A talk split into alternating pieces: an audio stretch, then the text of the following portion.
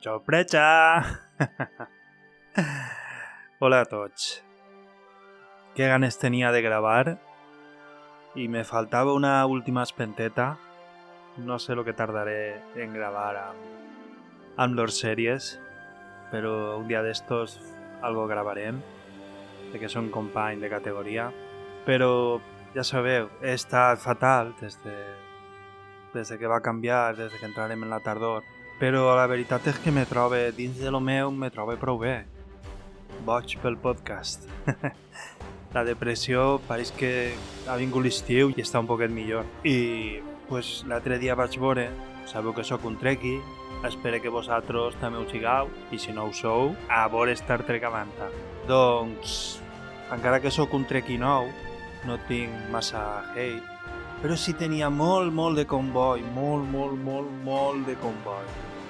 Recordem, taula fosca, hype, en valencià li diguem comboi. Pues tenia molt de comboi perquè poder veure este crossover que fa, crec que quasi un any que es va anunciar entre Lower Decks i la millor sèrie de Star Trek de l'era moderna, que és Strange New Worlds, doncs és que tenia moltes ganes i quan vaig ir i se teaser amb Mariner i Boimler amb el surprise. Dic, ai, jo vull que arribi i per fi fixeu-vos, si n'hi havia hype que van avançar l'episodi, és a dir, l'episodi se tenia que haver emès avui dijous i així en Espanya l'haverem tingut demà. Però allí en Estats Units l'emitiren el diumenge. Mm, no sé quan ha arribat a Espanya, jo sé que avui ho he mirat i ja estava. Per preparar el podcast li he, pegut, li he pegat una altra ullada, hi ha molts detallets que se m'havien saltat i la veritat és que he de dir-vos que he gaudit molt. I apela a la nostàlgia i te fa preguntar-te, no? Si poguereu viatjar en el temps i conèixer els vostres herois, qui és el teu heroi? Amb qui t'agradaria parlar? Un familiar? Un personatge conegut? La veritat és que el meu heroi pues, seria el meu iaio. El meu iaio va estar en la guerra, defensant Madrid durant la Guerra Civil, clar. Va tindre que això m'ho va contar ma mare. Per la nit venia poquet a poquet, això des de Madrid. Per la nit s'amagava en uns torreons que n'hi havia a lo llarg del camí, on podia. Perquè, clar, la seva vida estava en joc. També imagine que se va vindre a viure des de tavernes de la Valldigna al Sirà pues, perquè no li donaren el que diuen els, els feixistes, el passeillo, que ja sabeu el que era, i se va vindre al Sirà. Però, clar, al no tindre-lo, va faltar quan jo tenia 8 anys, pues no ho sé. Espero que arribi el dia, quan ressuscite, en el que m'ho puga contar tot. La veritat és que és una cosa que em fa moltíssima il·lusió, perquè el volia i tots me diuen lo bona persona que era pues això és el meu heroi. Quin és el teu? T'ho dic per a què penses.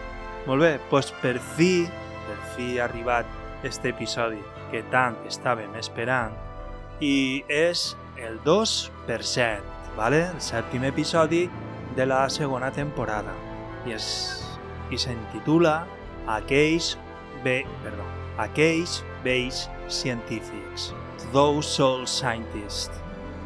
Oh, això és una añadidura que faig i que ho he gravat després, perquè mentre estava editant m'he donat compte d'una coseta. I és que el títol de l'episodi, Those Soul Scientist, és TOS. Quan tu fiques Star Trek i escrius TOS, sempre te referixes a The Original Series, en anglès. És a dir, fan ahir un xoc entre The Original Series amb el mateix acrònim que vol dir, en este cas, Those Old Scientists, aquells científics antics. Vos dixe en lo que ja estava gravat. que també molt d'ací podria ser aquells científics de l'antiguitat. Tampoc se cal fer massa el cap per a... Pues per a fer les traduccions dels títols. Però bueno, va, que m'enrotllo molt. Soc Samu Gascó, estic boig pel podcast Cabega més boig i una miqueta menys boig de lo meu. I avui anem a analitzar el sèptim episodi de la segona temporada de The Or... Ah, no. The Strange New Worlds. I Lower Decks! Sí, sí, Lower Decks també, clar. Tranquil, no te poses nerviós, che. Comencem. Pues, abans de començar l'episodi, anem a veure un parell de notetes. I és que aquest episodi ha sigut dirigit per Jonathan Frakes. Si el nom no vos diu res, si sou trequis sabeu qui és, evidentment. Però si el nom no vos diu res, doncs què vaig a dir-vos? Estem parlant de Riker. a mi hi ha un moment que jo crec que vos va fer molta gràcia.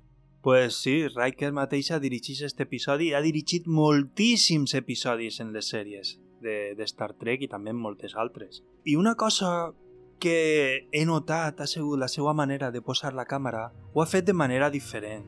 Clar, volia a lo millor mm, ressaltar lo perduts que anaven alguns, los sorpresos.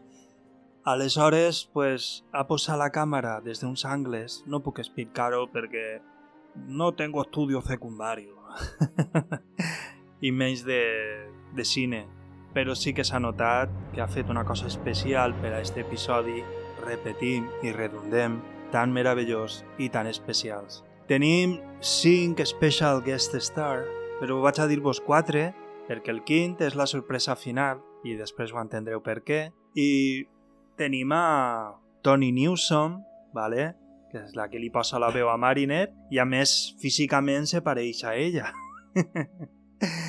Jack Quaid, Jack Quaid és el fill de Meg Ryan Dennis Quaid. És a dir, l'home este té en les venes el ser un artista i és un actoràs i la comèdia se li dona superbé. A més, el que tenim perquè ixen The Boys, és el protagonista de The Boys. Primer ell i després Butcher, com diuen ells. No diuen Butcher, diuen Butcher. I, i està molt bé, a mi m'ha agradat molt. Després en dibuixets, no s'arribem a veure en cap moment en, en imatge real, tenim a Noel Wells, que és una xica guapíssima i que si vegeu el Saturday Night Live, ja sabeu que a vegades parle d'aquest programa, doncs fa uns anys, va estar, crec que només va estar un parell de temporades, però és, és una actriu de comèdia molt graciosa. A més, la veu que li posa a Tendi és que, de veres, no podeu veure esta sèrie doblar. Si la vegeu doblar, se carregueu tota la sèrie, igual per supost que Strange New Worlds, les actuacions, per exemple, el net de Gregory Peck, vale? és l'actor que fa d'Spock, i fa un Spock que ho fa també la manera de, de, de posar els, els canvis d'humor perquè està sèrio o tal. I en aquest episodi anem a contar algunes coses. Doncs és un... és que és un actoràs. I si el vegeu doblat, només li vegeu la cara i sí, grans actors de doblatge, però se carregueu l'obra original. Vos vaig a posar un exemple que l'altre dia li dia un amic. A veure, anem a pensar des de la nostra quinta, un cantant que mos agradarà molt, vale? però que siga estranger. Vos agrada Dire Straits? Eh? Dire Straits.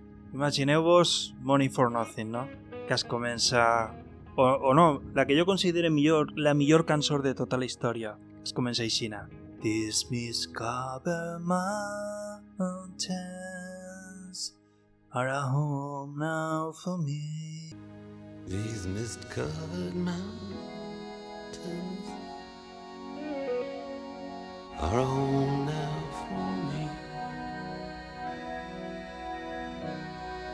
But my home is the lowlands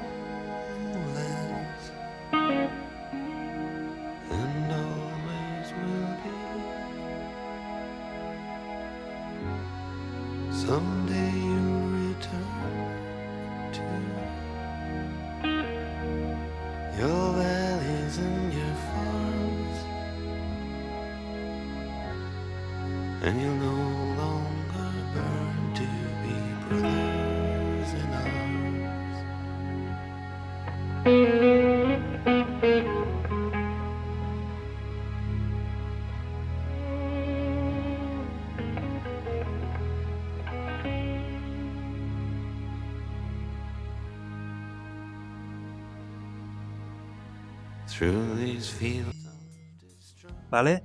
I ara vos posen el vídeo o l'actuació en directe d'ell. y lo que sentiu és a uno Estes muntanyes nublades sonar a la meva llar. A que no seria lo mateix?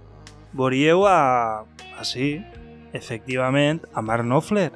Però no estaríeu sentint l'actuació meravellosa de Mark Knopfler cantant el Brother Sinans, veritat? Pues això passa en les pel·lícules. Si la vegeu doblar, se perdeu l'actuació. Perquè el doblatge, per bo que siga, se la carrega. La mansilla la mutila. Bueno, vaig a deixar de ser un hater. És que m'emociona quan parle del doblatge. Perquè me sap molt de mal quan la gent ho veu doblat. Perquè se perden moltes coses i una d'elles, molt important, és l'actuació.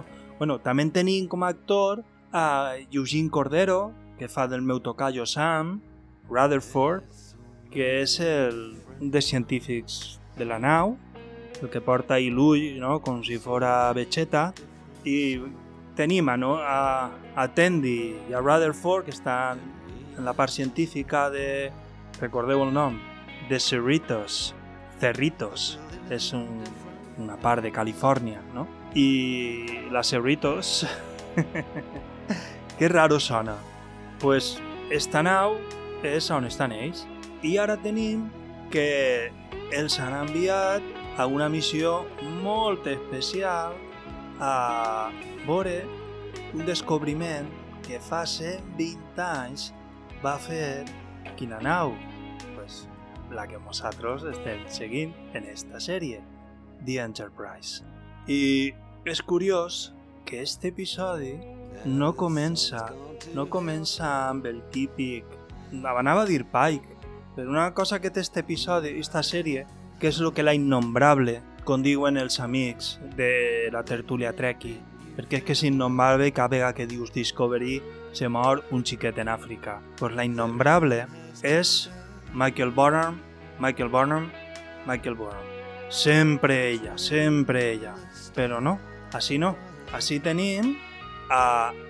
Així tenim una sèrie coral on tots tenen el seu episodi i tenen la seva participació. No és només un personatge que al final li agarres mania, a part de que els guions siguen una caguera de bou, però no. Una sèrie ha de ser coral. Si ho centres tot en una persona, parla de Star Trek, ¿vale? Evidentment, eh, 24 no vas a fer la coral, perquè ahí és Jack Bauer contra tots. Però així no, això és Star Trek, així tots tenen el seu episodi, tots tenen el seu lore, tots els personatges mos ensenyen coses? Vale. Pues este episodi comença no amb el clàssic eh, membre de la tripulació de The Enterprise parlant al seu diari de bitàcora, no, comença amb la Cerritos, però en dibuixets. No sé si dir Cerritos o Cerritos, o Cerritos. N'hi hauria que dir Cerritos, perquè és una paraula castellana, seria el més correcte, ja que és un nom. Molt bé pues la Cerritos, però en dibuixets animats. No tenen tanta qualitat, no?, com la sèrie de veritat, però bueno, se ho han currat i estan entrant en l'òrbitra de, agarreu-vos el nom, Krulmuth B, és a dir, Krulmuth B. I comenten que ahí n'hi ha un portal i que fa 120 anys i aquest portal el va descobrir quina nau? Efect Efectivament, el va descobrir la Enterprise. La segona Enterprise especifiquen. Ja vegem així que, que Boimler és un friki, sap el temps que ha passat, sap qui són els membres de The Enterprise, és que ho coneix tot. I diu com li encantaria arribar a conèixer a una, a Spock, i per a sorpresa de tots, ara diu Mariner que, que a ella qui li agradaria conèixer és a Uhura, Se'n recordeu del nom d'Uhura? Nyota. Nyota Uhura. Pues és estrany, no? Perquè ella normalment, i a més així ho veiem, mostra molt de desinterès. N'hi ha que dir, i és molt important, que quan t'han dit que la va descobrir la Discovery no està present ni Tandy ni Rutherford. I clar, arriben i es comencen ja pues, a parlar de la seva manera geek, friki... És que no m'agrada friki, ja ho sabeu i estan emocionats per la ciència, per les partícules que poden trobar ahí en ixe portal i a la sorpresa resulta que qui està al càrrec és Mariner, però diu que és que li ha tocat i que ho han fet per fastidiar-la. diu, n'hi hauran taquions, n'hi hauran taquions, això ho diu Rutherford. Ell s'ha conformat només en aconseguir certes partícules. Clar, quan comencen a mirar el portal, se donen compte de que, de que té un mineral que després veurem que va ser super important. Mentre passa això, Tandy diu que no, que la seva bisallalla va ser la que va trobar el portal en una nau exploradora oriana. Però clar, els orianes saben que són pirates i s'ofèn molt quan el nostre Boimler, geekechant, anem a dir geekechant, val? M'ho permeteu? Pues geekechant diu que no, no, que va ser The Enterprise i se dona compte que l'ha ofès perquè és un insult dir-li a un orià que és un pirata. Això és important. Ha canviat. És igual que ara, els que estem grossos, a mi no m'importa que m'ho diguen, però dir-li a un gros gros és un insult que ara no se tolera. Però fa 20 anys, per exemple, pues era el pa nostre de cada dia. I està molt bé. N'hi ha que respectar a les persones. Doncs bé, eh, té residus d'un material que ara se m'olvida quin era. Doncs bé, este material és el Horonium. I, i diu, enseguida Boimler. Oh, Horonium! Això utilitzava la federació en les primers en ex naus o les primeres naus de la classe N, N o NX. Quina nau era d'eixa classe? Pues la primera Enterprise, la de la sèrie meravellosa i que se va morir molt pronte en només quatre temporades, Enterprise. Sèrie que si no l'heu vist, a cas espereu a encara que al principi siga un poquet dureta, aguanteu, que les últimes temporades It's rock and roll! Pues bé, s'estan fent ahí una foto davant del portal i què passa? Que el portal s'obri i aquí té que arrastrar? Pues a Boimler. Aquí té que ser Mariner va correguent darrere, darrere d'ell, però com l'Stargate, pam, s'ha tancat. I en seguida passem a l'acció real on apareix xillant ah! alça el cap i veu Spock i també veu a l'An que l'An mos han recordat en el Previously que ella també va fer un viatge en el temps on va anar al Toronto de l'any 2030 me pareix, sí. Clar, se queda mirant-los i diu, ui, sou massa realistes com flipant com si estiguera veient una, una, una Comic Con, no? Saben que a ell li agrada disfressar-se i és així, no? Com si estiguera veient la Comic Con, però diu, no, no, les, vostres disfresses són massa, són massa reals. Molt bé, i ara sorpresa. Comencen els títols de crèdit amb Pike dient les molt famoses paraules no? de Space the final frontier. Space. The final frontier. These are the voyages of the Starship Enterprise. Its five-year mission to explore strange new worlds,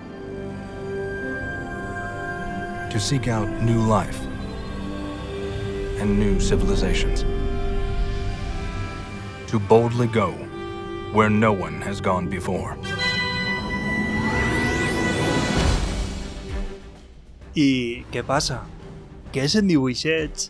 A més, a més han fet, no només ho han fet en dibuixets, sinó que han ficat un poquet de comèdia i un poquet de broma i en els dibuixets, posant pues, el mateix que ix amb la intro de Lower Decks, on tenim aquesta espècie de calamar espacial que té un nom però no sé dir-vos quin és, que està enganxat a la nau, mossegant-la en els de Nacelle Ports. És que no sé traduir-ho, els post Nacelle no sabria traduir-vos-ho ara, però bueno, en la part de raere, no? On seria el tubo d'escape. Té dos tubos d'escape, pues uno d'ells. I, I la veritat és que està...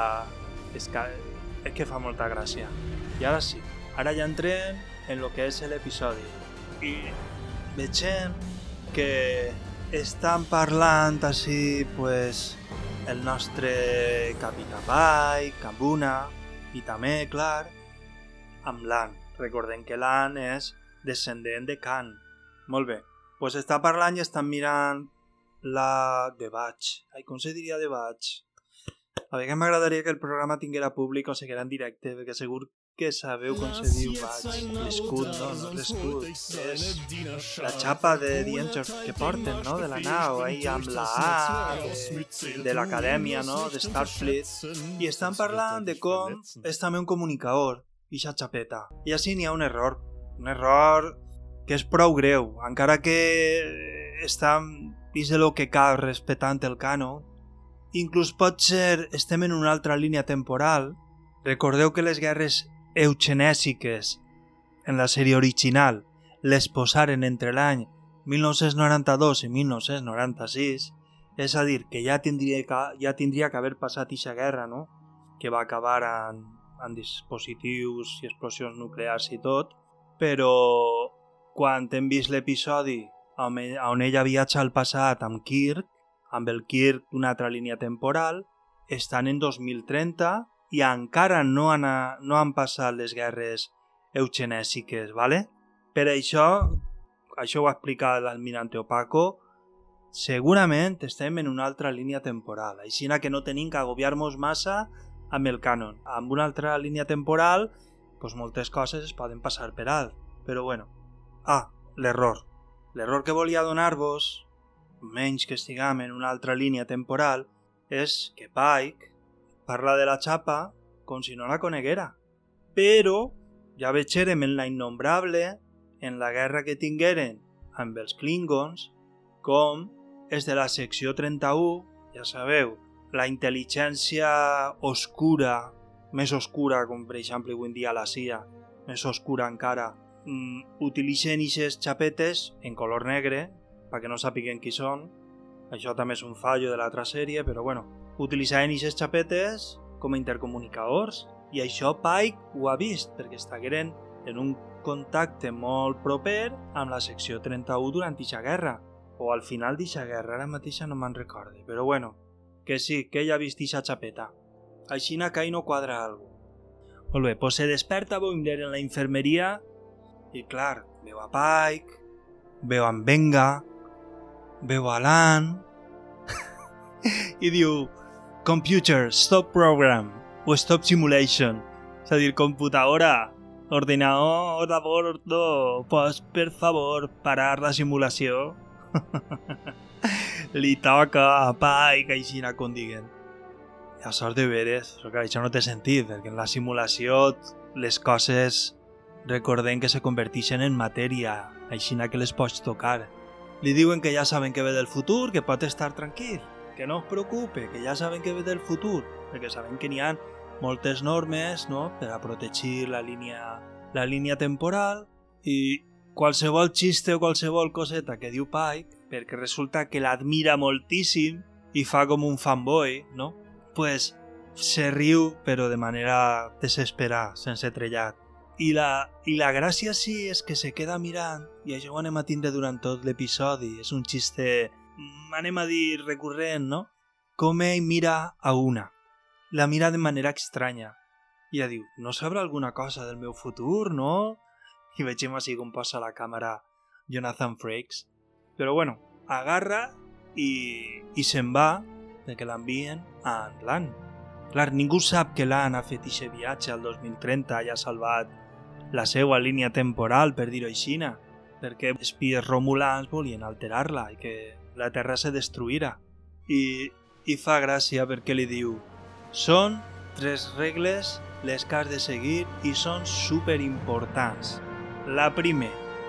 La primera és que no pots compartir res del coneixement que tingues del futur amb ningú. I diu, no tornarà a passar, perquè ja havia dit alguna coseta, i diu, per l'honor de Worf, Worf's honor. I diu, ja l'ha cagat. Clar, no saben qui és Worf. Worf encara no ha nascut.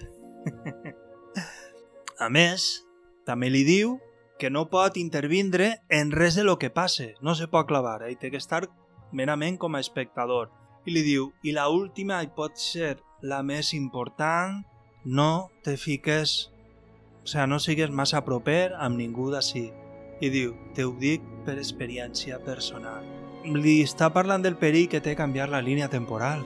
És molt perillós, perquè si va al futur i ha fet alguna cosa, i ha canviat alguna cosa, pues a lo millor no estan ni els seus amics ni la seva família. No sabem el que pot passar. Però és molt interessant que quan li diu de no posar-se massa proper amb ningú, és perquè ella està bojament enamorada, sabeu de qui? De qui, qui, qui? de James Tiberius Kirk. Ella està penjaeta per ell. Però per ell, el de l'altra realitat, que se suposa que no la coneix. Llavors, trequis del món, n'hi ha una pregunta a la que no he trobat resposta de l'episodi anterior. A veure, n'hi ha un moment que Kirk, a veure si m'estàs escoltant, Xevi, li ho dius a Sergio, a veure si l'almirante m'ho pot aclarir, o vosaltres, tertulia trequi, que vosaltres sou els que més sabeu, i escoltar cada programa, encara que tinga un poquet de hate, perquè sou trequis de tota la vida, no com jo, que m'ha fet trekking els últims anys, gràcies a poder veure tots els episodis, perquè abans no tenia possibilitat. Doncs, evidentment, pues no tinc ni la meitat de coneixement trequi que teniu vosaltres. Però voldria tindre-lo i aprendre molt de d'este món, d'este univers que, que m'apassiona. Perquè la visió de Gene Roddenberry és el que la Bíblia ensenya Passa que sí sense Déu. La Bíblia ensenya això per en Déu. I, que, I així ho ha aconseguit la humanitat a soles, mentre que la Bíblia diu que l'home no ho aconseguirà mai i només Déu podrà fer-ho possible. Molt bé. pues, per favor, a veure si me tragueu del dubte. N'hi ha un moment, en aquest episodi, per primera vegada s'han vist en esta línia temporal en la que passa Strange New Worlds, per primera vegada s'han vist els dos, Lan com Kirk. Encara i tot que Kirk el mataren en l'any 2030, però imagina que si no l'haveren matat, al restablir la línia, haverà desaparegut. És a dir, no se coneixen. Clar, ella quan el veu se li cau la bava, no sap què dir, ell la reconeix, clar, el seu germà Sam està en la nau. Però vull dir que li diu «Ei, em deus una copa». Jo em vaig quedar ahí, «What?» que lo millor quan estan en Toronto va passar alguna cosa, que li devia una copa o que anaven a eixir junts a prendre algo i no pogueren eixir perquè es va complicar la cosa? Perquè així jo no recorde que en aquest episodi hagin quedat per a fer-se una després o hagin fet cap aposta. Pot ser que hi tinga algun esbós en la seva ment d'eixa vida alternativa i li ix de cor dir eh, me deus una, i després pense, ah, però no sé ni per què he dit això. El que passa és que això no ho veig en l'episodi. Pues una vegada li ha la cartilla, l'Ann, a Boimler, pues veiem que Boimler està a soletes, tornant a fer, no?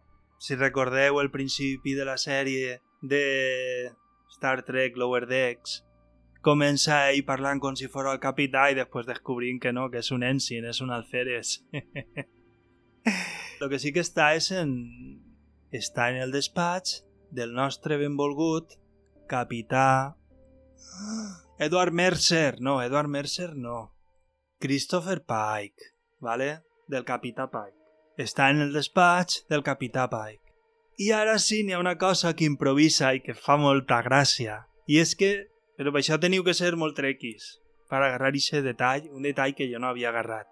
En alguns episodis de la sèrie original, no, perdó, de la sèrie original no, de la sèrie que feren després, no?, de la pròxima generació, pues en alguns episodis, si conegueu, i si no el conegueu vos ho dic jo, a Jonathan Frakes és un tio que fa dos metres. Pues a vegades quan se senta en una caïra, pues fa alça la cama i la passa per damunt de la caïra i s'assenta. És una cosa molt divertida. Pues què fa així? Què mos improvisa així l'actor que fa de Boimler? Pues Pike té així té en el seu despatx una montura de cavall i fa lo mateix, que per cert, la gent s'ha quedat flipat en lo alt que és este xiquet, i és que també fa uns dos metres, no sé si fas dos, però si no fa dos farà 1,95. és molt més alt que tota la tripulació de Meix de Orville. Clar, haver fet aquella sèrie de tota la tripulació de The Enterprise. I es nota molt la diferència de- d'altura. Després imagine que, que Tony Newton s'haurà posat uns tacons de porc, perquè clar, ell no, ell no, ell és més alt que ella, però no és molt més alt que ella. Així que per a dissimular-ho s'haurà posat uns tacons molt alts. Bueno, la broma, que és que són més pesado que el que mató un cochino beso. Pues agarra, passa la cama per dalt de la cadira i diu... Riker! I després Jonathan Frakes ho va deixar. Li va fer molta gràcia. Evidentment això, això no estava en el guió, però a ell li va fer molta gràcia. Tornem a, al portal i veiem que els han a Boimler, a Venga i a, i a Spock. Clar, ahí en el portal estan intentant veure què va passar per a que pues, s'hagi obert, que ja s'ha retrocedit pues, això 120 anys. I explica, no, Boimler, què va passar i diu damn luck. Damn luck és una expressió que podem traduir com va ser una qüestió de potra, una qüestió de, de, molt- de, de sort, no? Una casualitat, va ser una casualitat molt gran. Però damn luck significa sort tonta. No sé, vosaltres, que deu vosaltres en la traducció que més gràcia vos passa. Sé que sóc un poquet nerd en l'anglès, però m'agrada sempre transmitir-vos lo que, lo que he vist de la millor manera, perquè a vegades les traduccions literals no són, i intentem-vos això, fer-ho la- el més literal possible. Si vegeu que això és una cosa molt molesta, m'ho digueu. Intentaré millorar en el futur. La gràcia, la gràcia està que quan li diu això de la sort a Spock, Spock se riu i amolla una riallada que dura uns poquets segons, però que a Boimler l'assusta, perquè és així com histèrica, no? No sé, jo me'n recorde que n'hi havia una pel·lícula que s'anunciava que era Smiley o alguna així. Jo no l'he vist, perquè jo pel·lícules de por, la veritat és que no veig, me fan massa por. I després tinc que dormir a soles. Però només veient el tràiler i ixa risa, pues a lo millor això vos, vos recorda, no? Ixes, ixa manera de riure. Molt bé. En la nau han tingut que tornar perquè ha una nau oriana, perquè si dic orionana, naniana, no sona tan bé, no? Oriana, una nau oriana. I, i clar, així Boimler la veu i diu perquè està preparant Pike les armes. I a més, és totes les proves t'estan dient, a veure, estos orians són pirates, perquè han hagut atacs així en esta zona. Però Boimler diu, pareu, pareu, pareu, perquè tinc un bon motiu per a pensar que és una nau científica oriana. De fet, en la meua època, dir-li a un orià que és un pirata és ofensiu. I això fa que Pike, que clar, té un fanboy al costat. No sé com reaccionaríeu vosaltres, jo tampoc ho sé si tinguera un fanboy. Jo crec que me moriria de la vergonya de tenir una persona al meu costat reverenciant-me. Bueno, la qüestió està que després de molts intents, perquè és que damunt els orians no contesten, què passa?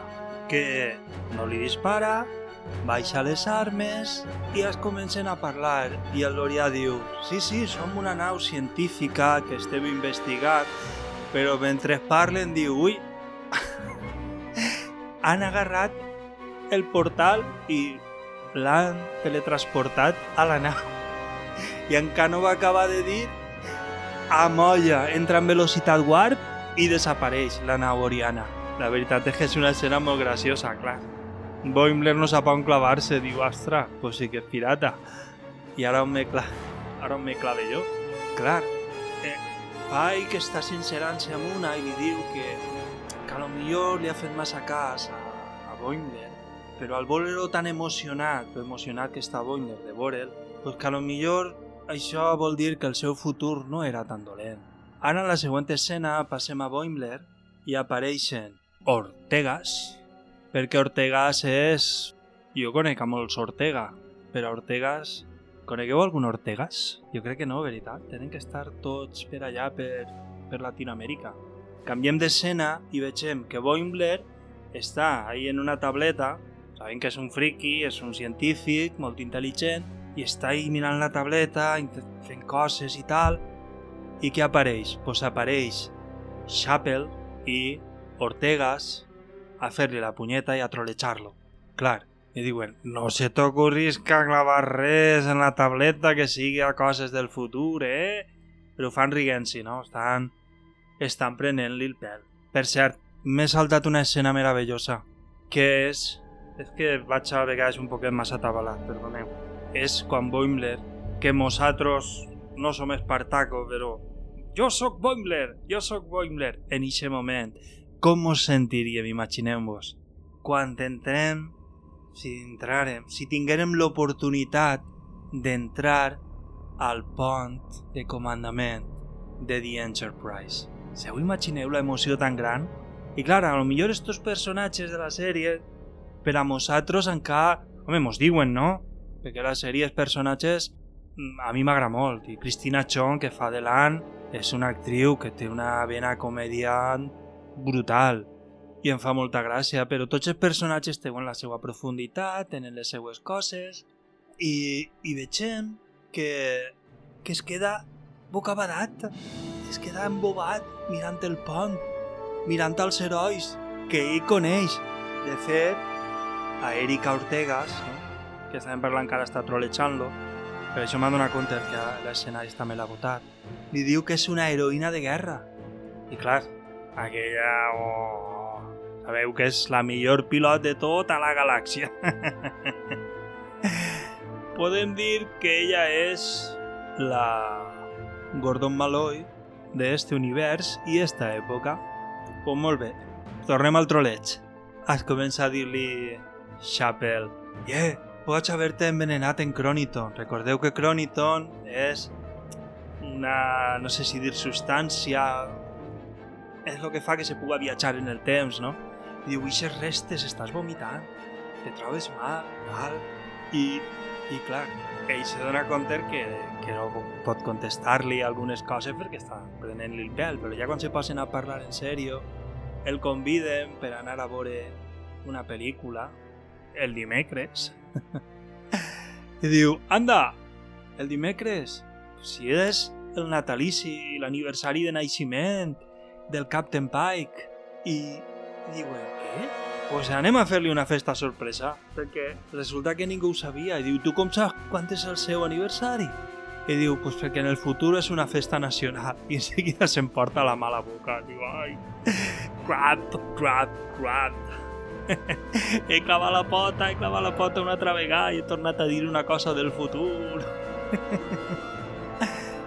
Clar, ah, comencen a això, a parlar diu, vale, anem a fer-li la festa i vas a emportar-te tu tot, però tot, tot el crèdit per esta festa.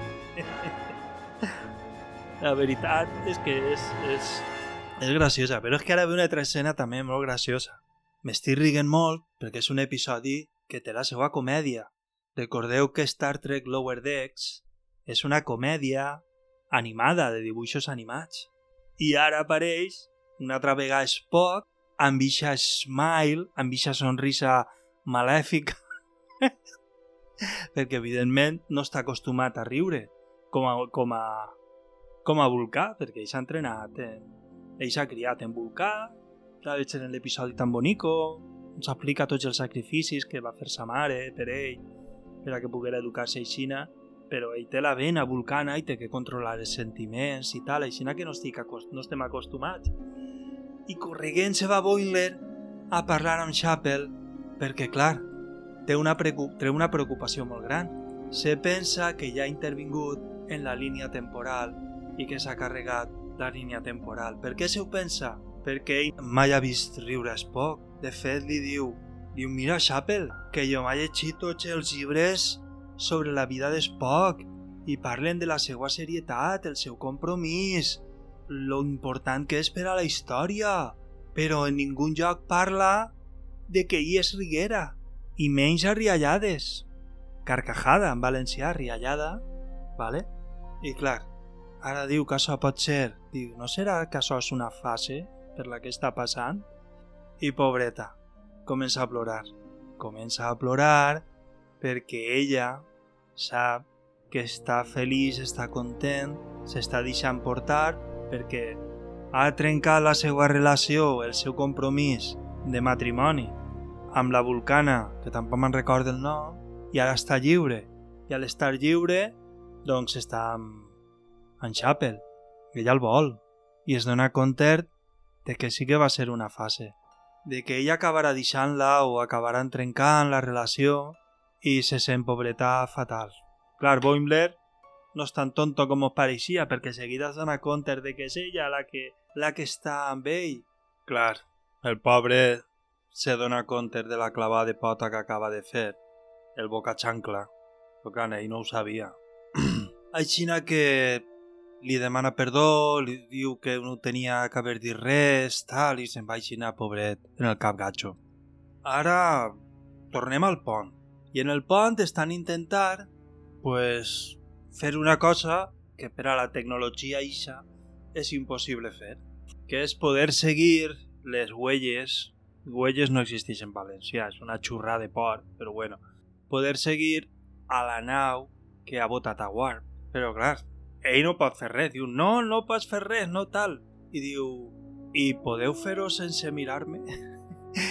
I en seguida vegem ahir com està Boimler enredrat en els cables, arreglant-ho i tal, per així poder seguir pues, el rastre, rastre, ja em la paraula, el rastre que ha deixat la nau dels... la nau dels Orions. Molt bé, troben a la nau i en seguida contacten amb ella i diu de la nau, eh, l'Orió. Diu, ui, que casualitat que mos hagin trobat així i que estiguem així les dos naus. I, i clar, Pike vol negociar amb ell, li diu a Boiler que se calle. Però recordem que Boiler és un gran negociador, perquè en un dels episodis que vegeren de l'Oest Decks tenen un xoc de taula que va precisament sobre ser diplomàtic. I qui guanya? Pues guanyen els dos o els que juguen quan no guanya ningú. perquè en unes negociacions, i això podrien sentir els polítics, mai poden guanyar els dos. Tots tenen que cedir part de vegades coses molt importants per a ells, per un bé comú o per lo que siga. I lo dit, Boimler pues, sap molt bé negociar, però bueno, li diu que se'n vaig allà a un raconet, que no abriga la boca, i això és precisament pues, por lo que fa. Però ara tenim la pregunta. ¿Será capaz el niño de tener la boquita cerrada? pues no, ja ho sabem, no. Clar, n'hi ha una escena molt graciosa, perquè justament abans de parlar amb el Soriós, pues el fanboy li diu a Pai que ell és molt conegut per la seva paciència, per la seva misericòrdia, per la seva benevolència i per el monyo tan perfecte que té. Damunt en la negociació, veig gent com Pai realment és un molt bon negociador, no? Diu, i que haveu agarrat el portal, no? Diu, pareix que accidentalment heu agarrat aquest portal. Ja sabeu, el saber dir les coses és una, és una virtut, perquè així no pots parlar en tot el món i a lo millor persones amb les que mai tindries res en comú pues podries arribar a una ententa cordial. Mm, clar, Boiler, que ja hem dit que és un especialista de tot això, li diu així en Espallet, està molt graciós, li diu a, li diu a Spock, eh, Spock, que ells consideren una mostra de respecte el poder comercial amb algo. O sigui, li poden canviar el portal per alguna cosa. Tal. Diu Pike. Però, moniato, que t'estic sentint. Diu, ai, és que pensava jo que l'acústica... Això jo crec que també té que veure el xiste, perquè, clar, The Enterprise esta nau, si vegem d'original sèries, el que és el pont de comandament és la quarta o quinta part, estan tots ahí apretadets. Però si és un pont molt gran, com caldria, no? Evidentment, si fos en la vida real, este tipus de nau. Clar, nosaltres tenem que anar ahí molt apretats. Aixina que diu el Orià que ha vist que té ahí un gra especial, aixina que ho canvien. Li dona el gra, el que passa és que és un gra especial per a un planeta que anaven a portar-lo i que està modificat genèticament i només pot créixer en aquest planeta. Aixina que per als Orions no és una cosa que puguem fer valdre. Però bueno, ara pues, ja tenim el portal i van enviar-lo al futur, a Boimler. Boimler es despedeix, molta admiració, obrin el portal, Boiler se gira i quan tira a donar el primer pas... Ah! apareix la... Anava a dir la tia Borda, és que fa molta gràcia. Apareix Mariner, que s'ha clavat en el portal buscant-lo i, i ja està, se li tira damunt. Ve vegem així una diferència molt gran entre este portal i els Stargates. Perquè si recordeu Stargate, i espero que sí, que si vos agrada la ciència-ficció també sigueu fanàtics de Stargate, perquè encara que Stargate pues, tinga ja uns anys, val la pena veure-la, perquè és, ja vos dic que és meravellosa. Este portal és diferent, perquè este portal és bidireccional. N'hi ha una... astronòmicament sí que n'hi ha un tipus de forat de Cook que crec que és bidireccional, però també n'hi ha uns altres que són monodireccionals, no? com serien els de Stargate, que si te claves en el Stargate, quan l'Stargate està venint, te desfas, te descomposa la matèria. Vos parle ara de ciència, eh? no de ciència-ficció. Evidentment, l'home no ha tingut encara la capacitat de fer això, però mm, sabeu que la branca que estudia, la branca teòrica que estudia totes aquestes coses, pues diu que és possible, però que faria un munt d'energia tan gran, pues no sé, més energia de la que genera el Sol. Era una barbaritat quan ho explicaren. Però bueno, això és un altre tema. I, i això apareix Boimler, però Boimler apareix... Esta no s'ha desmallat quan ha arribat. Esta arriba en plan fanguel, flipant, diguem, uau, uau, uau, he viatjat en el temps, he viatjat en el temps, esta si ho jura, això és increïble. Vosaltres sou de categoria. Però ho jura, ho jura, vull, vull conèixer ho jura. I diu, ai, els uniforms que porteu. El capità Pike no sap on clavar-se, agacha el cap, agarra el comunicador i diu, 5 to beam up, 5 per a pujar a la nau, per a teletransportar. És, és una escena molt graciosa.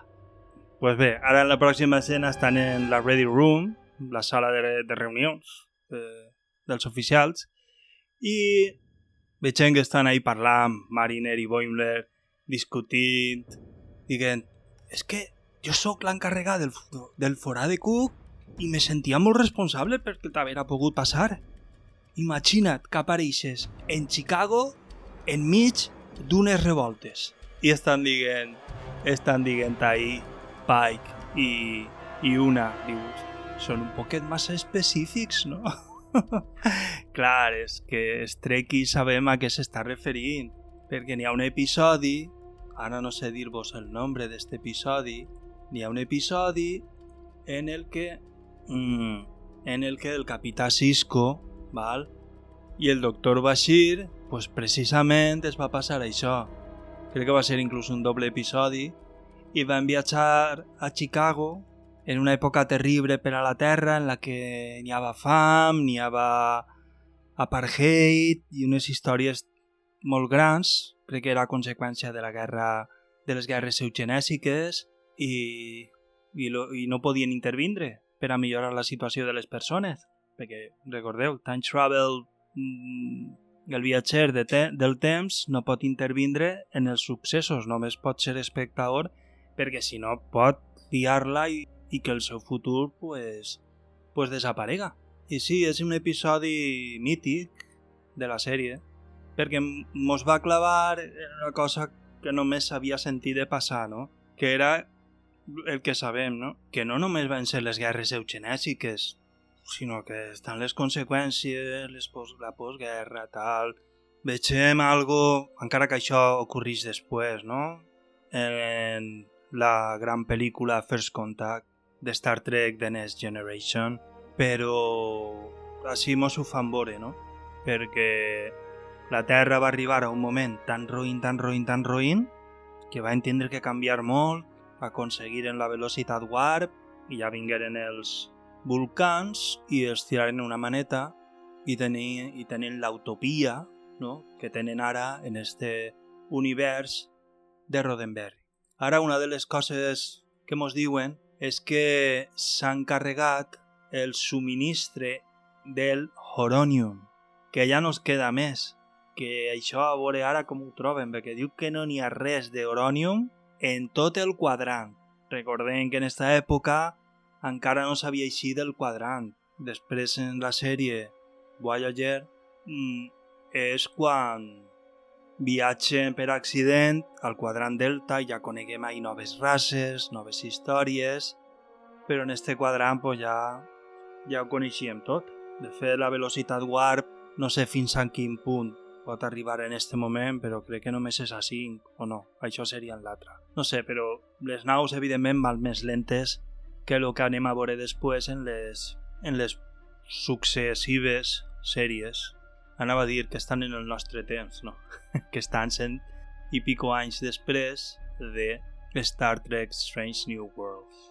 Molt bé, la, la que flipa, la que flipa és Mariner, perquè quan t'has vist coneixen Spock, de fet Spock, val? Spock, si no m'enganya, encara està viu en l'època de la que venen Mariner i, i Boimler, ¿vale? perquè té una vida molt llarga.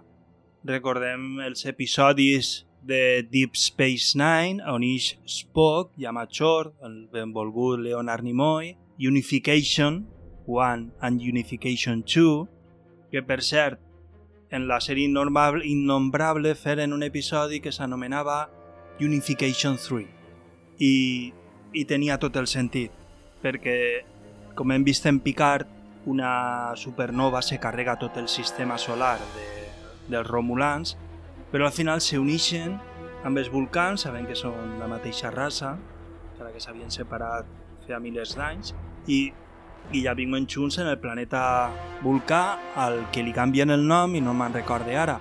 Però si vegem els esforços tan grans que està fent eh, Spock per aconseguir que n'hi hagi pau entre Ròmulo i els volcans, que són cosins germans, que estiguen junts i units. El que és que ja sabeu, de fet el nom de Ròmulo i Romulans i tal ve de Ròmulo i Remo, que van ser els, entre cometes, els fundadors de Roma. I, i els romulans són un imperi, ells el que volen és conquerir, conquerir, conquerir.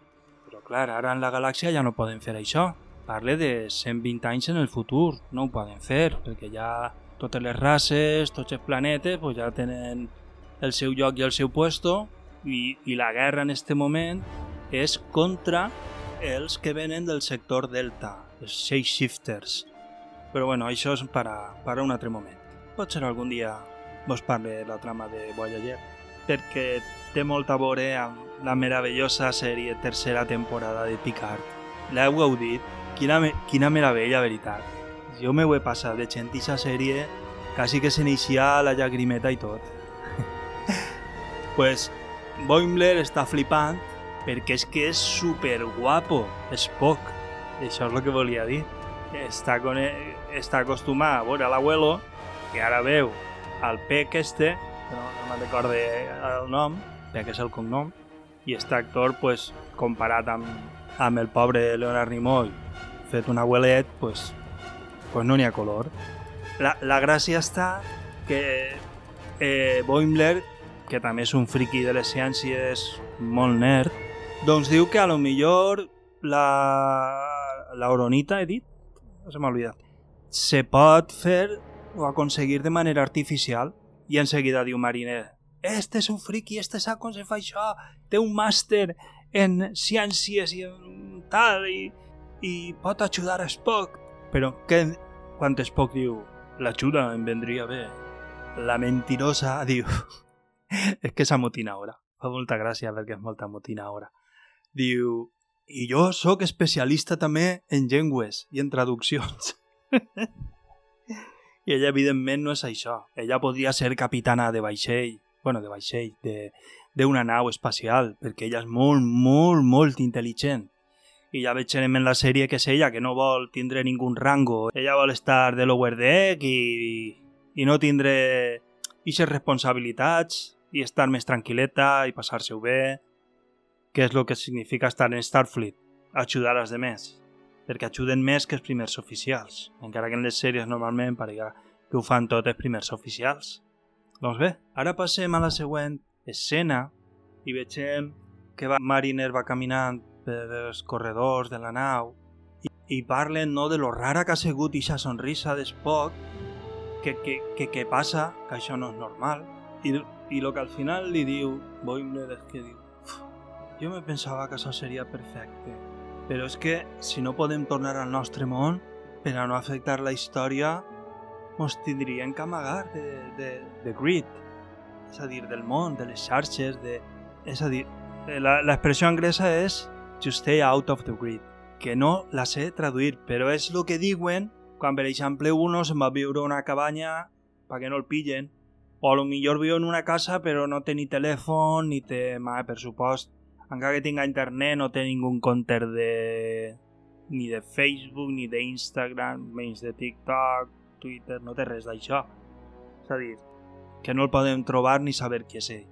I clar, Boimler diu, no, no, no, no, que tenim que tornar, que jo no puc viure a Xina. Clar, se pensava en anem a viure en esta època dels descobriments, a gaudir, a passar-nos-ho bé, però no podríem fer-ho.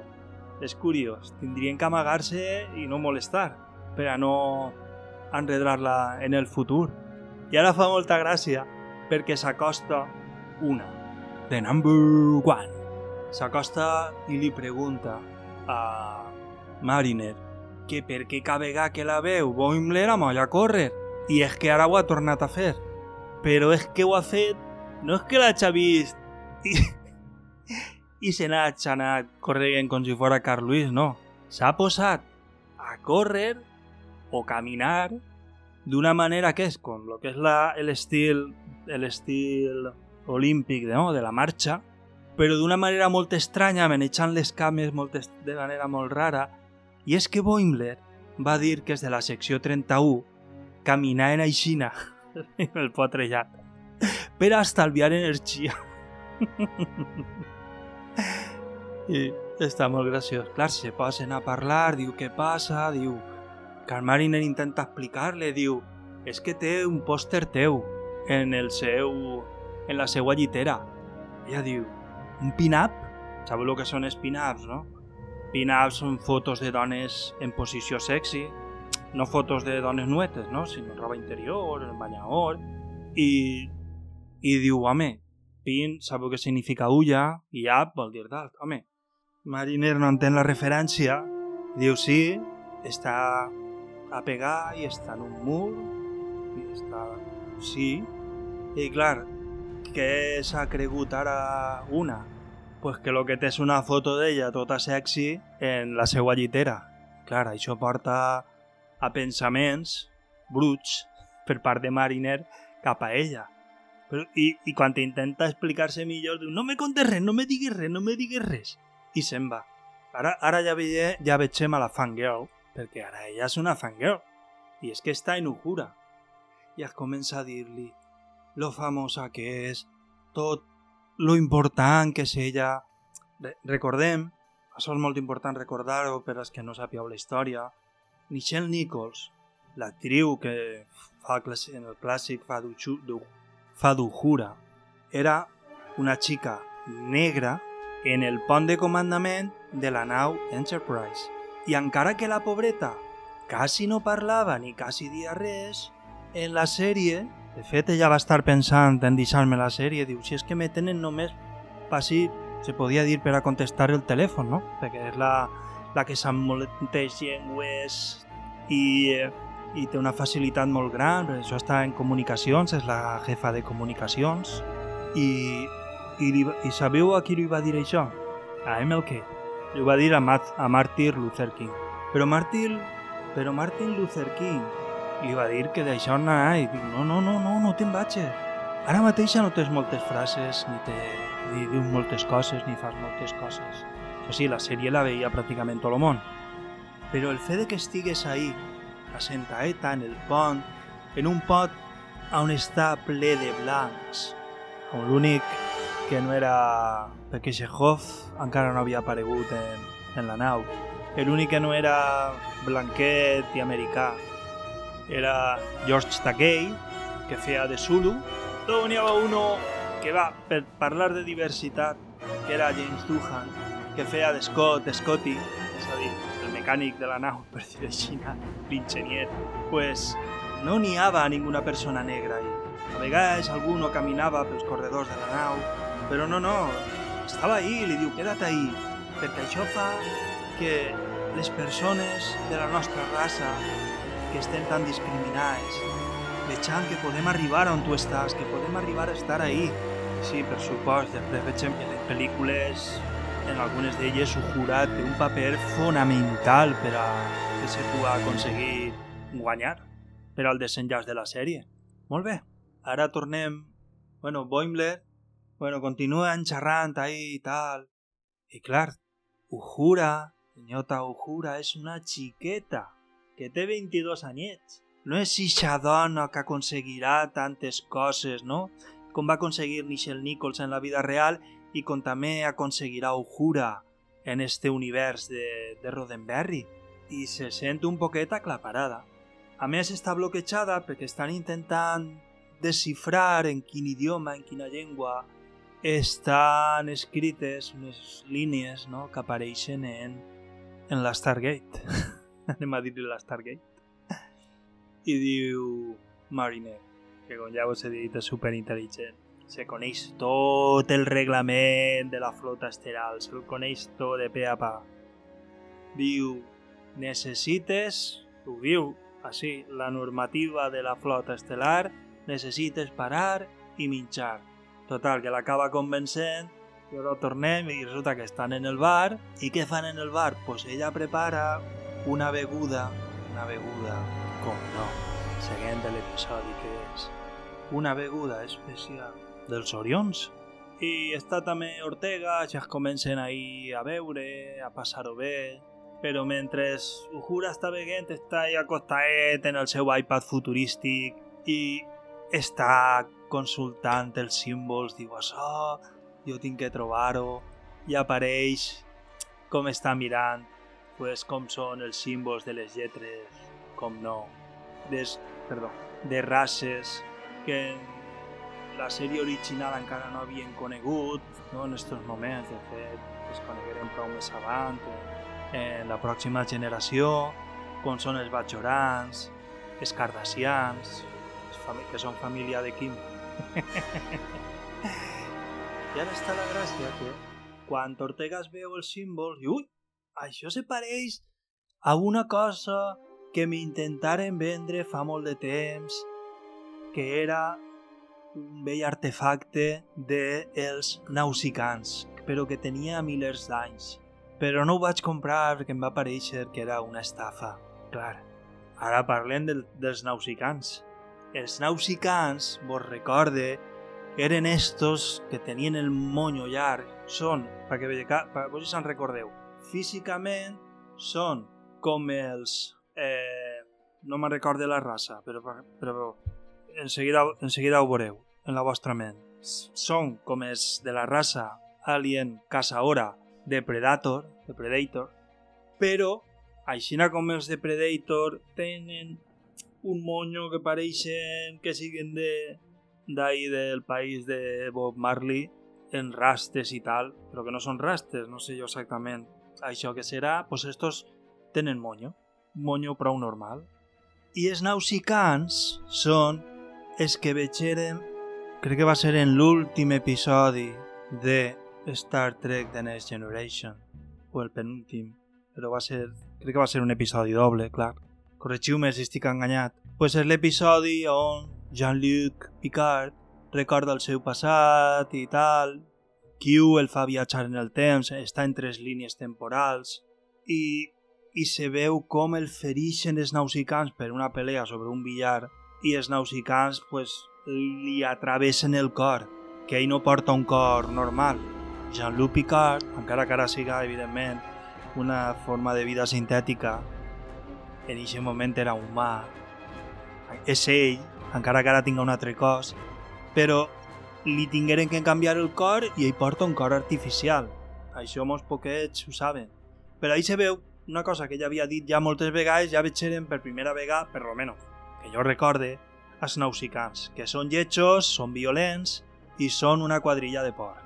Encara que ell també Jean-Luc parla de que ell també era un poquet camorriste, pel que hem conegut, i Jean-Luc Picard, Jean-Luc Picard és una persona moderada, una persona que parla, no? en, en valencià diríem dòcil, mansa, tranquil·la, i quan té que fer les coses i posar-se serio sabem que és el primer, però, però no. En este cas era jove, era idiota, com tots han sigut jovens i idiotes, alguns més que altres. Jo no he sigut massa violent, jo he sigut més de cobrar que de donar. He fugit de les pelees perquè no... Bueno, ja sabeu que tinc uns principis bíblics. I no, pelear-me és una cosa que no, que no està bé. Aleshores, com ho veig absurd, les pelees, i quan veus una persona que te busca va pelear-se i tal, pues, jo el mirava i dia, o sea, diu, este és un mongolet, ho dia, no ho dia en veu alta, però dia, este és un poc retrasat i, i és que un destrellat per lo menos. Així que jo m'apartava, és una boba, és que pelear-se és de mongolos. A menys que estigues defendent a una persona o defendent que això ja canvia. A lo millor digueu, i, esto que di, i això que diu la Bíblia de l'altra mejilla... A veure, Jesús ahí parlava d'un galtó. Un galtó no és per a fer-te mal, és per a humiliar-te. Parlava de que els cristians no han de tornar mal per mal i si mos volen humiliar, pues que mos humilien. Què mos dona? Si nosaltres sabem qui som i les coses que fem, no anem a, a donar-li importància a l'opinió que tinga una persona aixina de nosaltres. El que passa és que, clar, diuen ja que, és que la Bíblia diu que no te pots defensar o defendre. Doncs pues no, la Bíblia no diu això. De fet, l'apòstol Pau i alguns des que l'acompanyaven a fer els seus viatges missionals pues anen en una espasa, però era per a defendre's.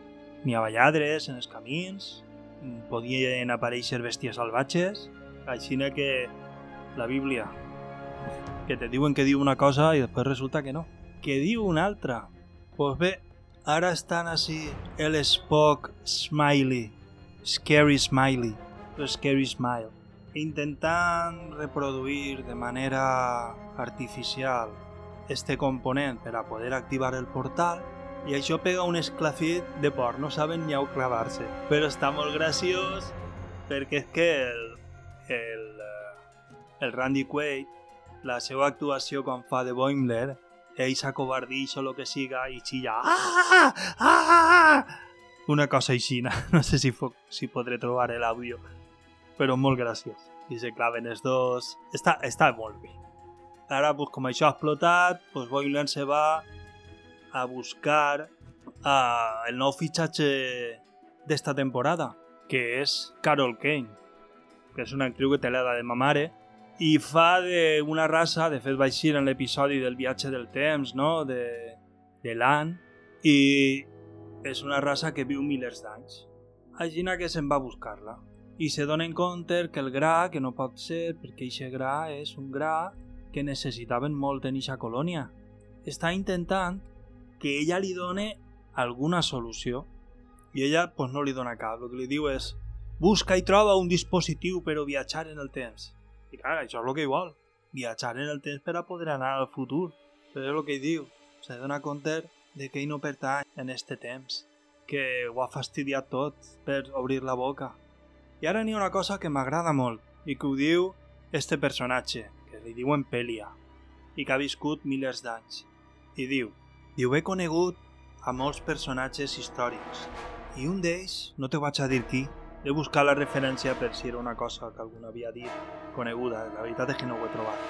I diu, uno d'ells em va dir sempre he fingit ser la persona en la que jo em volia convertir fins que finalment em vaig convertir en eixa persona. O ell es va convertir en mi. Això deixa pensatiu, la veritat és que és una bonica sèrie. Tenim que esforçar-nos per comportar-nos qui volem ser. Això de jo soy así, no voy a canviar. A veure, tots canviem en la vida, no anem a evitar-ho mai. Si és impossible no canviar, la vida està contínuament en motion, no? en moviment. I, vulguem o no, pues ja siga les companyies que tenim, la família, el que vegem en la televisió, mos pot ajudar a ser millor persones, pitjor persones. Quan uno diu jo soy así és perquè tu te la bufa canviar i estàs canviant però a mal. Perquè en la vida hi ha un camí, no? Vull dir que cada un té un camí. I en aquest camí van haver canvis. Si tu no t'esforces per millorar com a persona i no fas res per millorar, vulguis o no, vas a empitjorar. I si no penseu en eixa gent major, en eixos defectes tan grossos, que fa que millor siga inaguantable i que siga impossible parlar amb ells. Per què és? Perquè no han corregit eixos defectes, podem dir-ho així, de personalitat que han tingut durant la seva vida. És a dir, no han volgut convertir-se en millors versions d'ells mateixa, perquè igual que tenim eixos defectes, que alguns no considerem defecte, però igual que tenim a lo millor coses que poden pareixer dolentes, doncs també les tenim bones. És com diu aquesta llegenda índia dels natius, dels nadius americans, que tots tenim dos jobs dins, uno bo i uno ruïn. Lo que cadascú decidim és a quin job li donem de menjar. I jo crec que això ho explica molt bé. Però bueno, pareix jo sí que estiga pegant sermons, perdoneu. És que fa molt de temps que no parle en el micro i...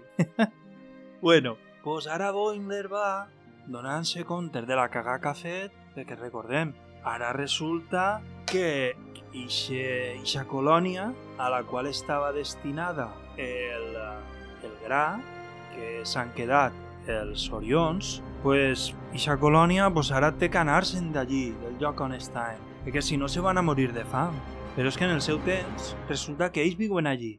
És a dir, ells estan convençuts que han alterat la història, perquè han fet que tota una societat pròspera, com ells descriuen, de 620 anys, pues ara se'n tinguen que anar i deixar-se el planeta.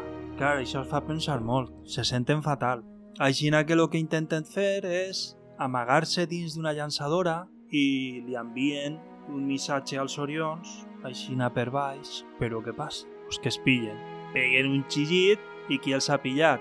La cap de seguretat, la nostra benvolguda, l'An, que directament, esta no se calla, eh? Directament se'ls emporta a Pike. Podies pensar, a lo millor els han cobert, els han... No, no, no. Lo que estan fent és tan mal. Ella està molt conscienciant el que és el, el viatge en el temps. I, I si no... Bueno, esteu veient la sèrie Strange New Worlds? A lo millor és un poc més difícil veure... Bueno, encara que està en Prime. Crec que està en Prime, no? La de Lower Decks. Jo vos ho dic, d'acord, teniu que veure-ho perquè és que vos veniu a riure i en la de Strange New Worlds així no han fet el fem el fem pudent de, de, de la innombrable, no, no, així han fet una sèrie amb les arrels que l'únic que havia estat mostrant en els últims anys pues, havia sigut Seth MacFarlane a el seu The Orville. Doncs bé, es porta al Capità Pike.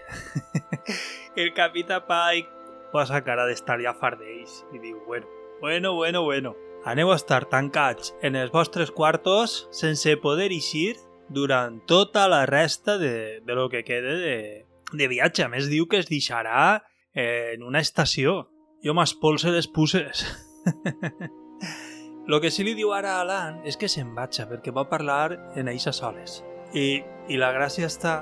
Mariner diu que la culpa és tota d'ella, que Bongler no suportaria el estar tancat pel seu ídol, sobretot quan s'ha disfressat d'ell a Halloween. que ara això li hablan una miqueta el cor a Pike. Ell els demana que per favor, que per favor paren, no?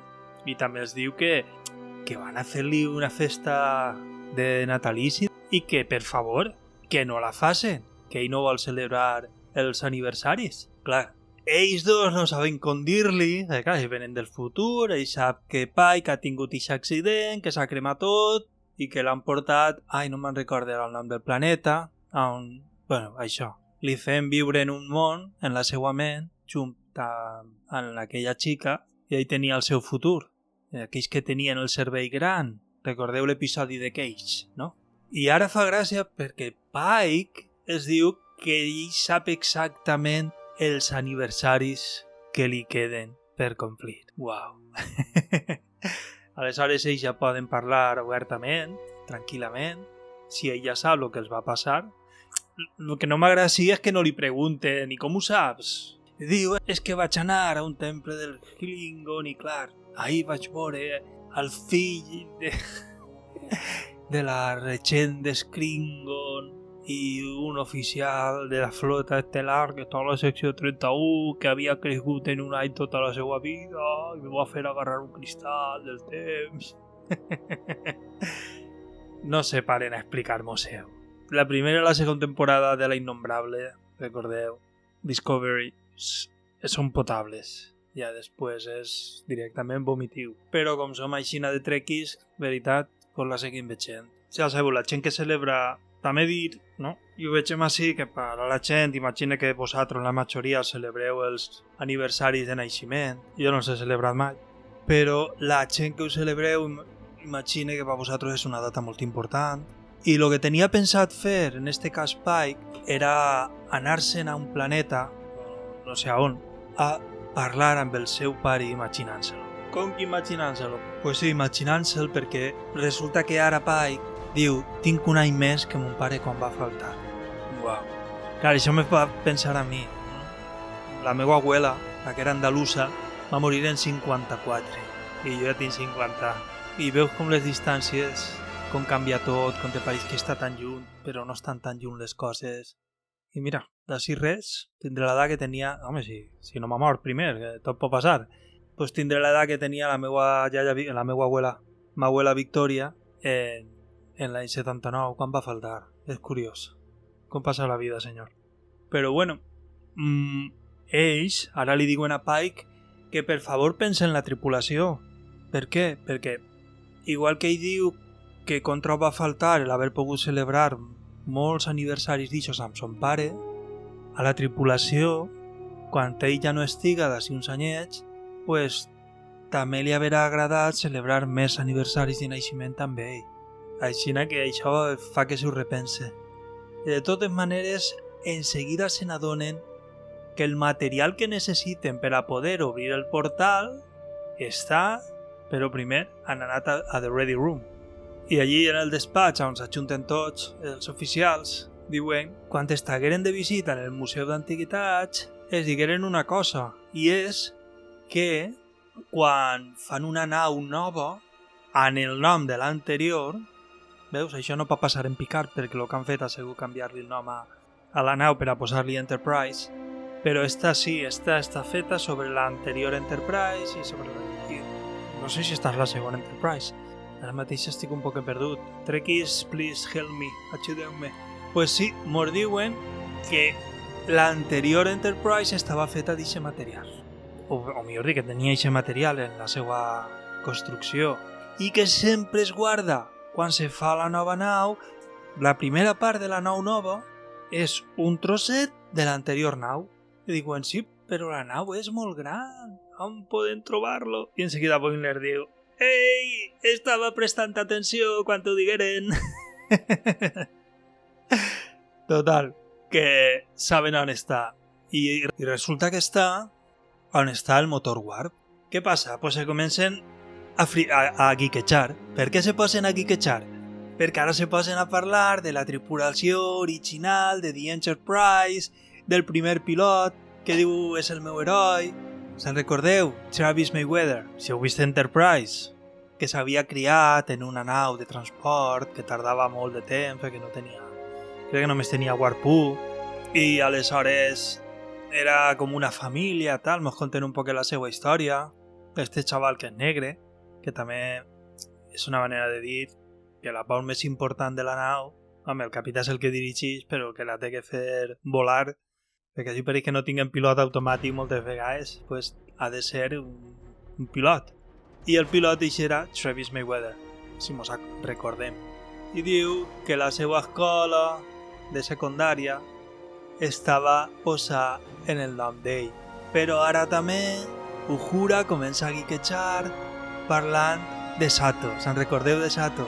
Esta xica que era oriental i parlava, no me'n recorde si era, sí, 86 idiomes. I, i està molt guai. Perquè es comencen a ensenyar-nos més o menys com funciona el traductor simultani. Que també vos he de dir una cosa. Nosaltres estem acostumats a veure el traductor simultani, no? I el sentim parlar, però està guai com ho fan perquè, clar, és com si la persona estiguera parlant, però de repent comença a parlar de la seva llengua a la teua. It's like if I start to speak English this way, però de, en seguida, acaso ja ho millor. pues algo així, no?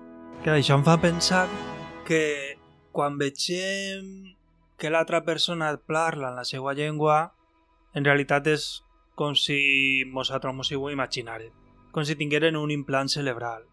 De fet, en la última pel·lícula de la de Star Trek, de la, de la línia Kelvin, crec que és la última, Into the Darkness, pues sí que apareix una xica, que després resulta que és una traïdora, spoiler, que està parlant i se veu com el traductor simultàniament li tradueix el que diu.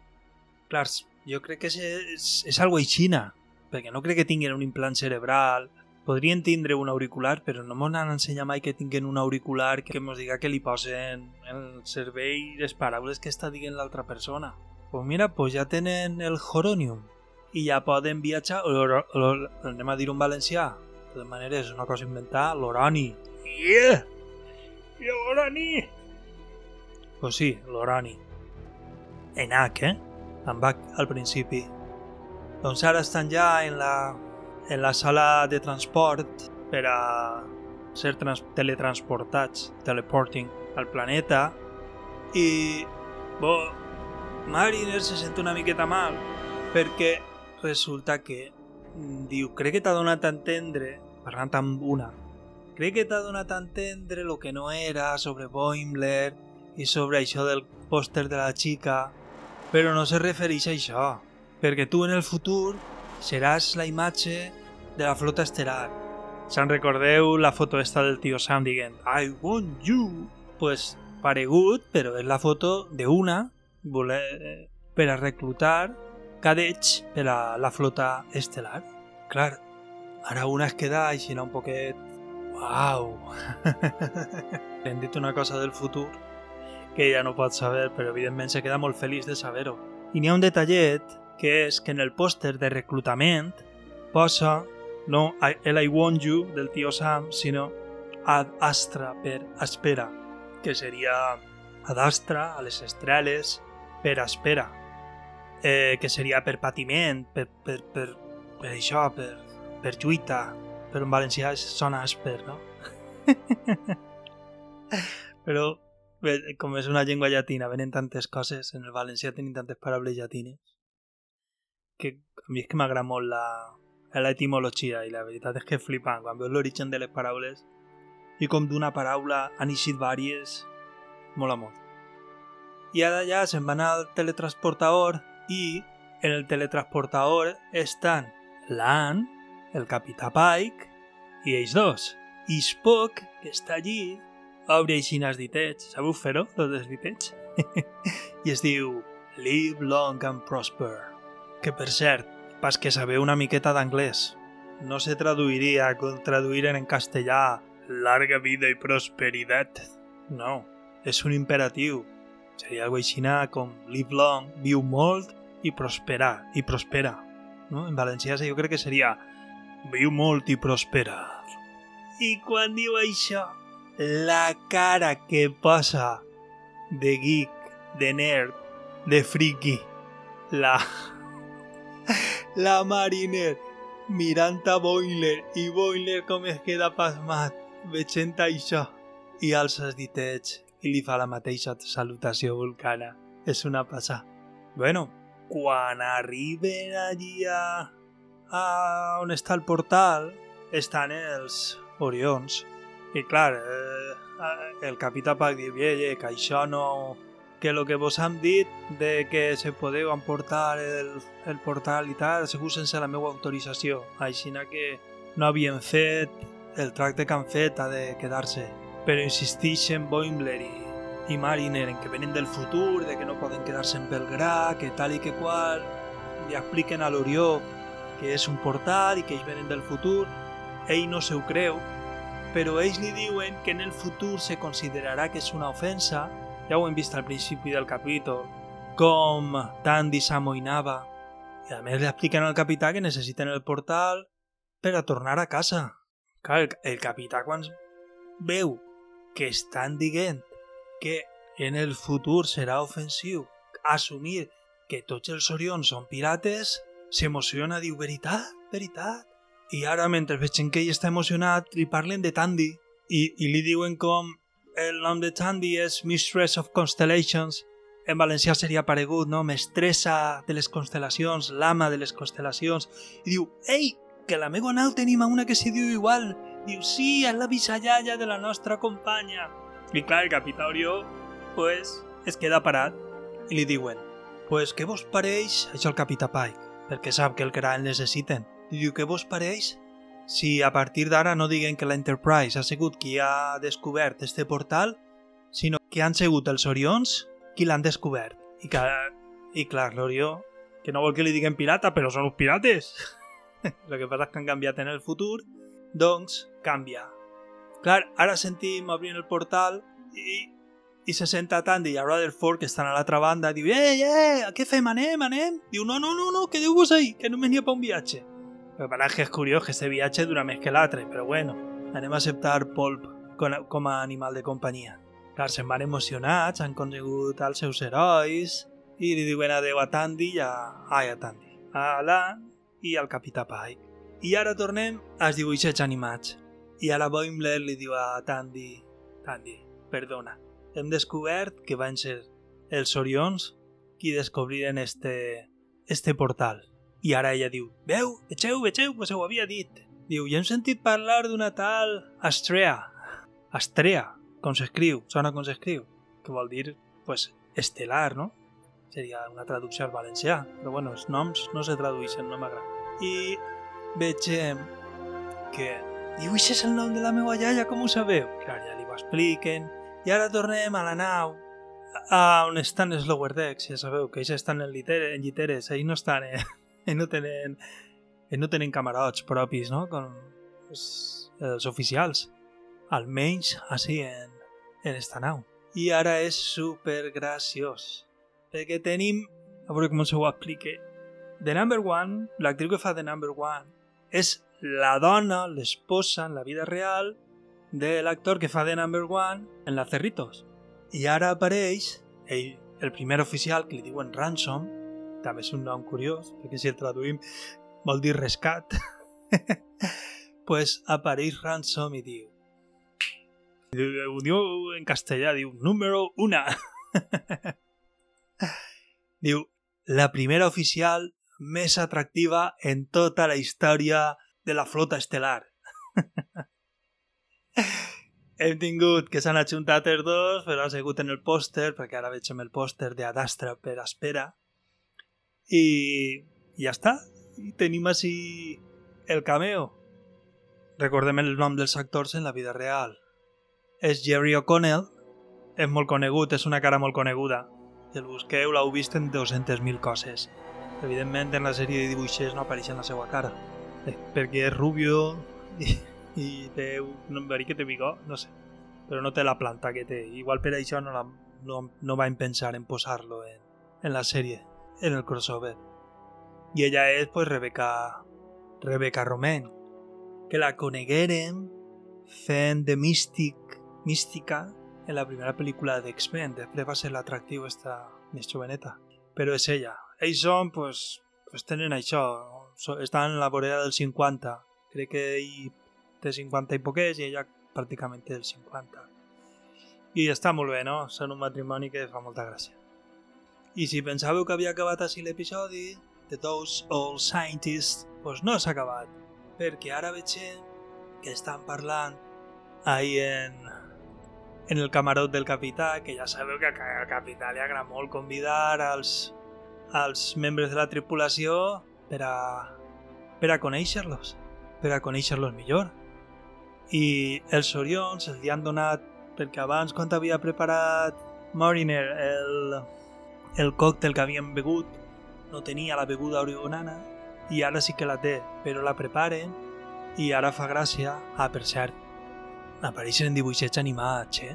Els tenim així a tots. Aujura, Alana, Ortega, Saspo, Capaica, Number One, Ambenga, uh, Chapel... Tots, els tenim a tots. I la gràcia està que comencen a flipar com si... Jo mai he provat els esclatasangs estos que diuen que és una droga. Que per cert diuen que els antidepressius del futur poden estar basats perquè estan tenint molt d'èxit amb, amb les substàncies d'aquestos d'aquests d'aquests esclatasangs. A veurem, a veurem, estaria de categoria poder tindre una vida més, més o menys normal. Oh, però bueno, en el que tinc ara, com sempre podia anar a pitjor, preferir no queixar-me. Pues això, comencen a fer, no?, com els braços s'estiren, com si segueren Plastic Man. Està graciós. I és la primera vegada que hem vist en un parell d'episodis o tres Augura que està tranquil·leta, que està relaxada, clar. Estan beguent ixe còctel i el còctel portava sorpresa, per això porten la castanya que porten. De fet, diuen, ui, us estem metgent en dos dimensions, com pot ser això? Clar, recordem, quan vegem una imatge, en teoria les imatges són en 3D i els dibuixets són en 2D. Clar, una imatge en 3D, doncs tots sabem, no?, com és una imatge en 3D. Una imatge en 3D és com si heu vist Avatar en 3D, doncs això no en 3D, que és com si estigueres ahí.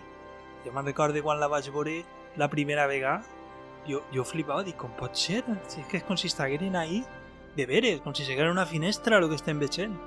I és, està super guai. I encara m'estic queixant de, de, del rotllo que és estar malalt, perquè no vaig poder veure Avatar 2 en 3D.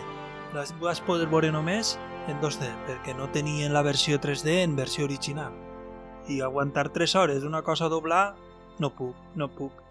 Com diu la cançó Ixa, és superior a mi. Molt bé, doncs fins així l'episodi. Espero que hàgiu gaudit del resum que vos he fet i si no l'heu vist i heu sentit el podcast per a fer-vos companyia, perquè jo moltes vegades pues, escolte podcast perquè me fan companyia, pues el que vos demane és que, que per favor la vegeu en versió original. Perquè a més els actors són de categoria, tenen bones veus, dubte molt que la veu d'Spock en espanyol siga millor que la seva veu original, però sobretot si vegeu les coses doblades. Per favor, mireu, mireu els llavis.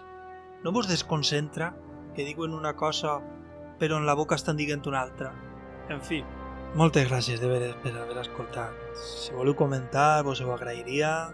Recordeu que el podcast este el faig no per amor als diners, sinó perquè sóc un geek i n'hi ha podcast geeks en valencià, vale?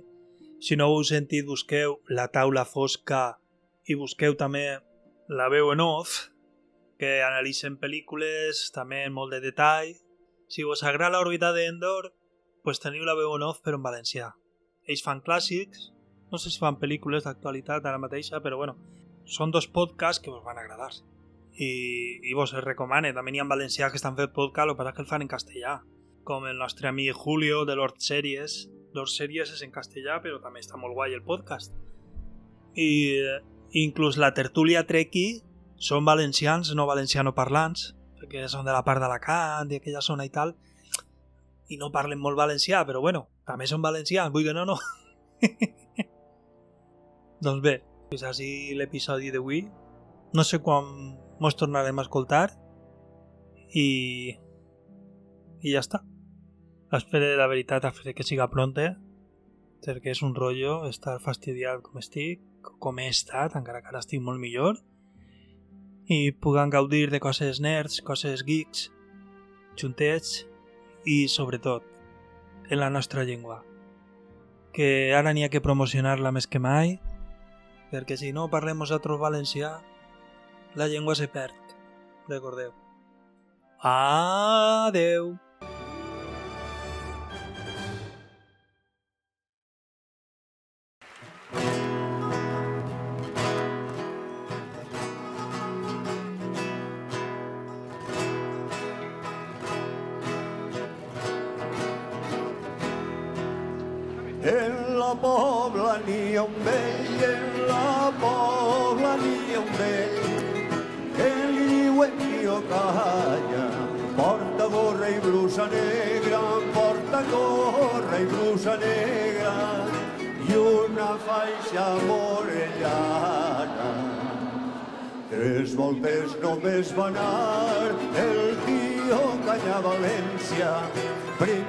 Primer quan va entrar en quintes i en casar-se amb sa femella. La tercera va jurar de no tornar a xafar-la, que a un home que ve del poble ningú fa baixar la cara. Set vegades va fer cua, set vegades va fer cua.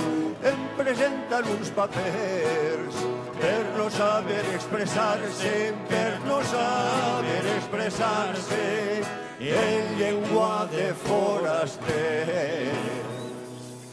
Aguantar totes les burles, les paraules agrejades, i a la pobla va tornar.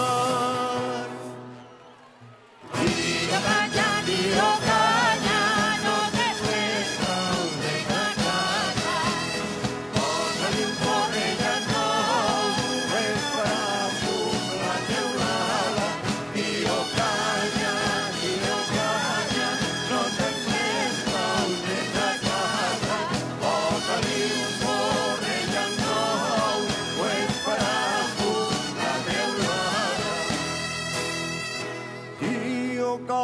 Canya tingué un fill, tio Canya tingué un fill, que li diuen tio Canya.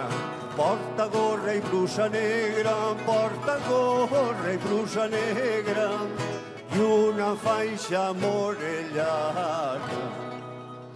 Bé recorda el tio Canya quan varen portar-lo a escola. Set anys la cara ben neta, ulls oberts, camisa nova. Però molt més va obrir els ulls el xiquet del tio Canya quan va sentir aquell mestre parlant de manera estranya. Cada dia que passava, cada dia que passava, anava encollint els muscles per por a que el senyor mestre, per por a que el senyor mestre li fera alguna pregunta. Aguantar càstigs i renyes sense gosar d'obrir la boca i l'escola va odiar.